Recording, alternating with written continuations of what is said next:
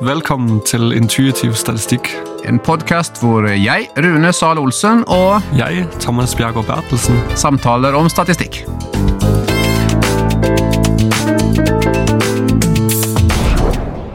I denne podkasten skal vi snakke om filosofiske tilganger til eh, inferens, altså beslutninger, hvordan vi tar de, altså tankene bak, som eh, kan være viktige å ha med seg og forstå. For eksempel så eh, tar man mammografi, og de testene som man da tar, de er ganske gode til å identifisere ting som kan være galt. Men det er jo ikke sånn at eh, hvis man har fått utslag på den mammografistesten, så er man nødvendigvis der at man har fått brystkreft. Så derfor så tar man ikke det Norge på alle. Selv om man kunne gjort det for å definitivt finne alle, så kunne man jo ta det. Dette kan vi ta på alle, for det koster ikke veldig mye, og er forholdsvis kjapt og enkelt å gjøre. Men det fører en del negative konsekvenser med seg, og du vet at i Danmark så har de prøvd ut dette her med å ta og rett og slett gi mammografi til alle. Tenker Man kan virkelig tenke over hva som er best eller verst, men i hvert fall at de erfaringer man har gjort, det var jo ja, definitivt man klarte å plukke opp eh, veldig mange som hadde brystkreft, ikke sant? fordi man testet alle, så det var bra. Men det var jo så også en veldig stor del av folk som fikk eh, positiver som ikke hadde brystkraft. Altså, de fikk å vite kanskje du har brystkraft, og så hadde de ikke det. Og Det kunne jo føle til forskjellige ting, men, men jeg tror veldig mange folk, når de fikk den beskjeden, der tenkte de oi, jeg kommer kanskje til å dø snart. og eh, førte da til for f.eks. depresjon, eller at man foretok radikale valg med å flytte vekk fra sin partner. eller ja. Så eh, Fordi at man får den beskjeden først, og så må man vente litt før man får eventuelt avkreftet ja, nemlig. med andre Eh, tester. Så jeg tror i hvert fall man virkelig så at eh, det er ikke entydig godt eh, å bare teste alle. Og, og litt som du sier, å dra inferans handler jo både om den informasjonen du har tilgjengelig nå, og den informasjonen du har tilgjengelig fra før. Mm. Så for med, med brystkraft, der er det jo sånn at ja, du får vite denne test viser at du har positive utslag, at du har brystkraft, men du må jo ta høyde for at veldig få eh, kvinner i Norge i det hele tatt Altså det, det er flere kvinner uten brystkraft enn kvinner med. Og, og hvis vi tester alle, så vil det veldig mange som får utslag på testen, vil rett og slett ikke ha det. Ja. For det er sånn testen fungerer. Man kan si den sier en error rate, altså han har en eh, feilmargin med å rett og slett varsle om at her er det noe, når det ikke er noe. Og jeg tenker i forhold til det, filosofiske aspektet av inferans, altså vi har snakket tidligere omkring eh, datatyper, hvilke spørsmål man kan stille, men, men her det handler det om liksom sånn altså at, eh, at vi går fra bakgrunnsinformasjon til informasjon vi får nå, og så forsøker vi da å kombinere disse, eller eh, dra slutning om ok, hva tror vi da? Så egentlig, hvis du, hvis du skulle utføre mammografier, der bør alle folk få vite først. Husk, veldig få folk har brystkraft. Det er mange flere som ikke har det, enn de som har det. Nå får du en beskjed. Hva bør du da tenke? Og, og da, hvis man skal føre det tilbake til den kliniske verden, så kan det være eksempel at vi ønsker å se på en behandling for spiseforstyrrelse, for eksempel. Vi har eh, ganske mange eh, studier som har undersøkt behandling for spiseforstyrrelser, og vi har gjennom flere år i ABUP hatt egne team som jobber med spiseforstyrrelsessaker, eller familier eller ungdommer som sliter med spiseforstyrrelse. Så erfaringen til klinikerne våre er at den hjelpen de gir, den er ganske god og hjelpsom for mange. Ikke for alle, men for ganske mange. I tillegg så har de studier fra andre steder i Norge, og også andre, andre land, hvor de tilbyr nesten det samme, som forteller at det her er nok eh, hjelpsomt. Men så skal vi da forske på det hos oss, for den, vår egen populasjon, altså vår eget utvalg, de som kommer til oss, og da kan vi ta med oss den kunnskapen, eller vi kan velge sånn sett, å ta ikke ta med den, men det er jo litt underlig. Ja, det er litt underlig. Men man kan i hvert fall gjøre seg noen tanker om hvilken kunnskap baserer man seg på. Eksempel hvis man går fra at ok, man har noe erfaring og informasjon fra før, og så ser man noe nytt data, da vil man kanskje tenke at ja, det er, dette er i tråd med det vi tenkte før. Men man kan jo også velge å stille spørsmålet sånn ja, ok, hva hvis man er skeptisk til om behandlingen virker? Hvor, der man kanskje ikke tenker det virker for før. Hvor mye mer overbevist er vi om at det, tenk, om at det virker nå, etter å ha observert data? Ja, så hvor, hvor, hvor mye forteller eller overbeviser dataene meg om at jeg tar feil, eller at jeg tar rett? Der kan man på en måte tenke Når man drar inferans, kan man jo leke med litt forskjellige forut-antakelser eh, og se hvordan de skifter vår forståelse etter å ha sett eh, det aktuelle data. For det er jo heller ikke sånn at eh, nødvendigvis vi har samme forståelse på forhånd. Altså, Det kan være sånn at du er veldig begeistra for denne behandlingen og har Mhm. sterk tro på den, mens jeg eh, er mer skeptisk, for jeg forholder meg til noe annet og er litt mer skeptisk i utgangspunktet. Og da vil det samme datasettet overbevise meg på en annen måte enn hva den vil gjøre med deg. Og bare tenk om å knytte noen begreper til altså, det, det vi snakker om nå her. Det er jo ikke så rart ikke sant? at du tenker noe før, du ser noe nytt, du gjør deg opp noen nye tanker. Det kalles jo da typisk eh, bayesiansk statistikk. Efter en, eh, en pastor som het Thomas Bayes. Altså, det, det er gamle greier. Selvfølgelig, for det er jo ikke noe rart å tenke dette. ikke sant? Men, men en viktig ting der, eh, og det er jo egentlig det vi snakker om eh, nå, det er jo det man kaller eh, priors, altså prior information, tidligere informasjon. Ja, Prior betyr jo altså før eller tidlig, ja. Så det er jo liksom bakgrunnsinformasjon. Det kan jo være hva man tror, eller det kan være at man vet prevalensen av noe i befolkningen, men altså den informasjonen du har fra før. Før studien, eller før du ser disse nye dataene. Ja, altså i, i denne form for statistikk, da, da har du prior informasjon, tidlig informasjon, så ser du data, og så ender du da opp med det som kalles en posterior, altså en, hva skal jeg si, informasjon etter du har sett data.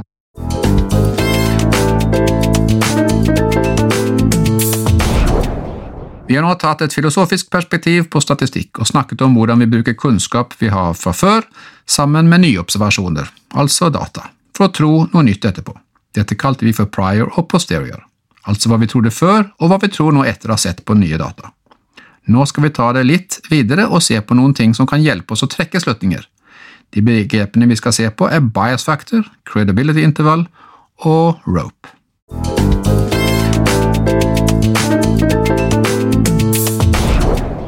Så noe som man ofte bruker, sånn, eh, som kan være veldig interessant å se på, det er jo det man kaller bias-faktoren. Og den handler om hvor, hvor mye eh, mer overbevist er vi blitt om, eh, om en hypotese framfor en annen. Så sånn helt konkret så, så sånn som vi sier at hvis når man eh, er veldig entusiastisk rundt en behandling virker, og så ser man eh, kanskje noe data som tilsier at nei, det virker ikke så bra, da er man blitt eh, mer skeptisk. ikke sant? Så da vil bias-faktoren si vi er blitt mindre overbevist. Eller kanskje man kom fra en posisjon der man er superskeptisk til behandling virker, man tror nei, jeg tror ikke det virker. Og så ser det ut som det virker litt, så blir man mer overbevist. Så bias-faktoren sier noe om hva, hva, hva sier data, hva forteller data til oss. Så, så, så uansett hvilken, om du har en veldig sterk tro, så vil den peke mot der dataene på en måte er. Så da vil en, en som er veldig sterkt overbevist, vil på en måte få beskjed om eh, du skal ikke være så overbevist, mens Ja. en som er på den andre siden og tenker at det her virker virkelig ikke, han vil bli peke, bias-faktoren vil peke mot der dataene er. Og det, det som er bra med det, det er at, at det, det vil den jo gjøre uansett om du har én person eller 300 personer. Det, det handler bare om hvor mye mer overbevist blir du. Og det er klart, hvis du bare har én person i datasett, da blir du ikke spesielt overbevist.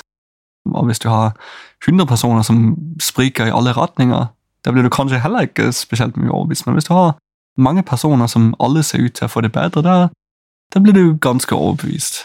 Og, og vår erfaring som har forsket litt, er jo at det varierer jo en del på de som får behandling hos oss. Det er noen som får veldig mye bedre, noen som får litt, og noen som faktisk ser ut til å få det verre. Så det er liksom en blanding av det. Så når vi da har mange som har overvekt mot det ene eller det andre, så kan bias-faktoren fortelle oss hvor mye mer overbevist vi nå skulle være. Altså et annet, en annen ting, altså, man kan jo både være interessert i hvor mye mer hva informerer data som, men man kan jo også være interessert i hva bør vi tro nå? Ikke sant? At eh, ja, vi har tidlig informasjon, ja, vi er blitt så mye overbevist, hva bør vi tenke nå? Det er jo da det som vi snakker om i stad, posterior.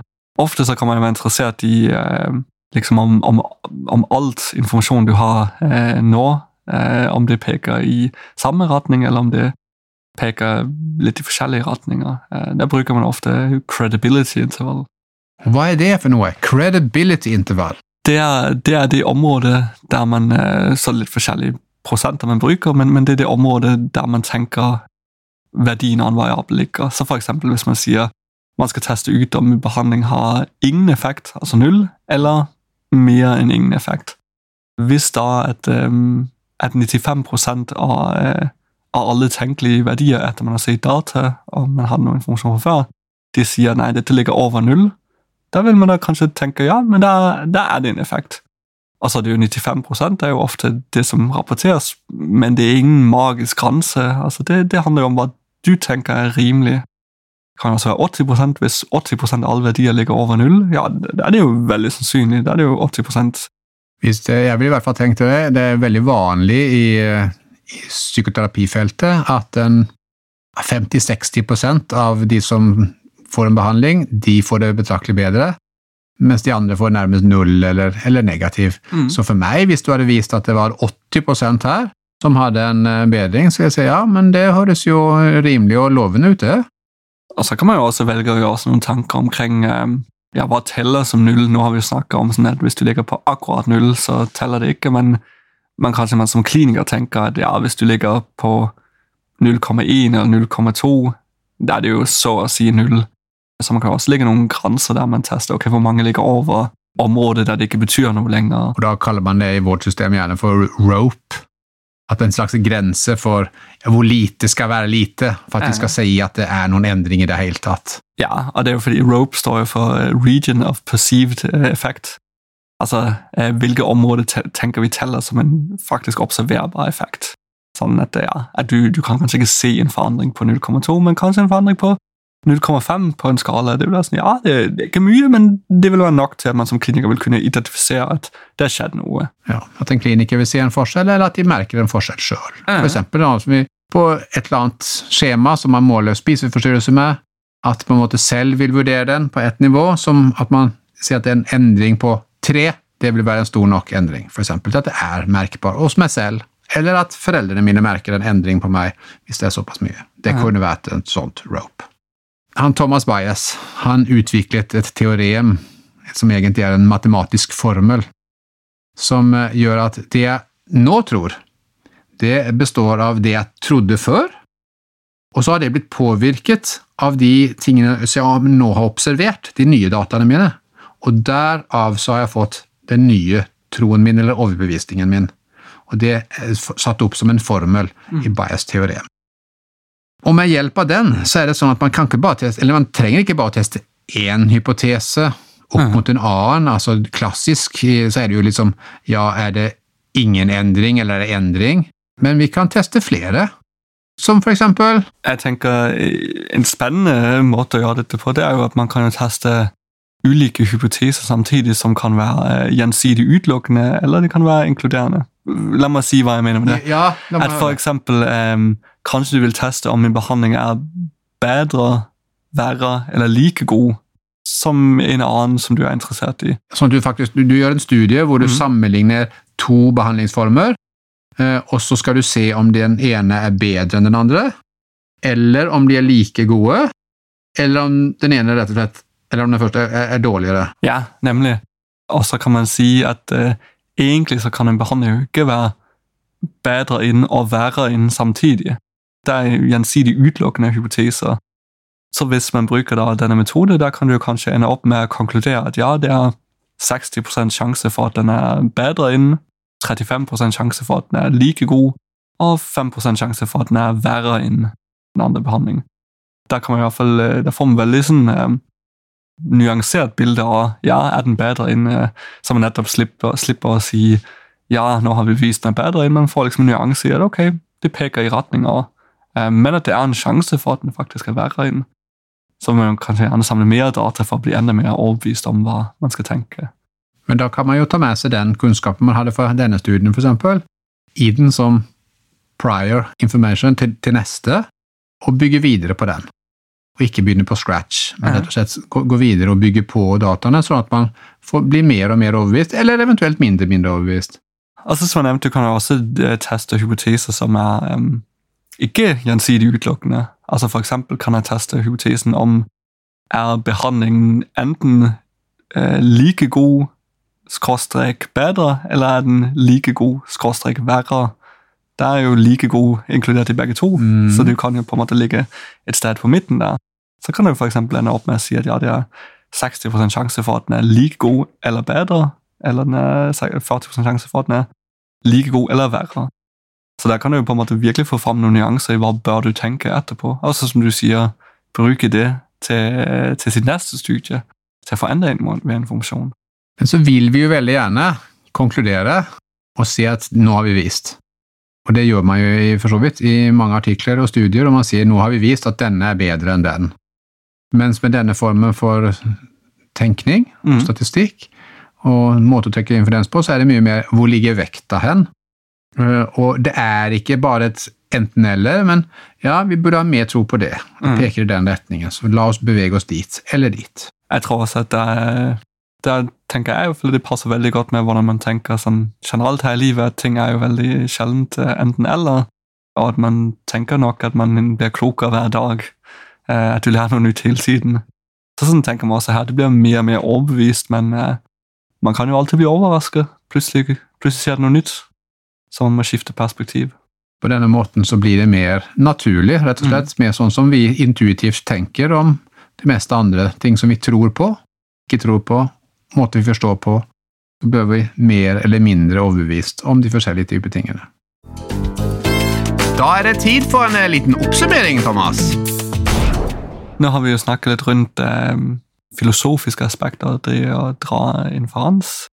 Og sånn mer konkret så har vi jo snakket omkring det å gå fra tidlig informasjon og så oppdatere seg gjennom ny informasjon og så gjøre oss noen tanker om hva man bør tenke nå. Eh, så har vi jo også nevnt begrepet bias-faktor, som handler om hvor mye data det overbeviser inn.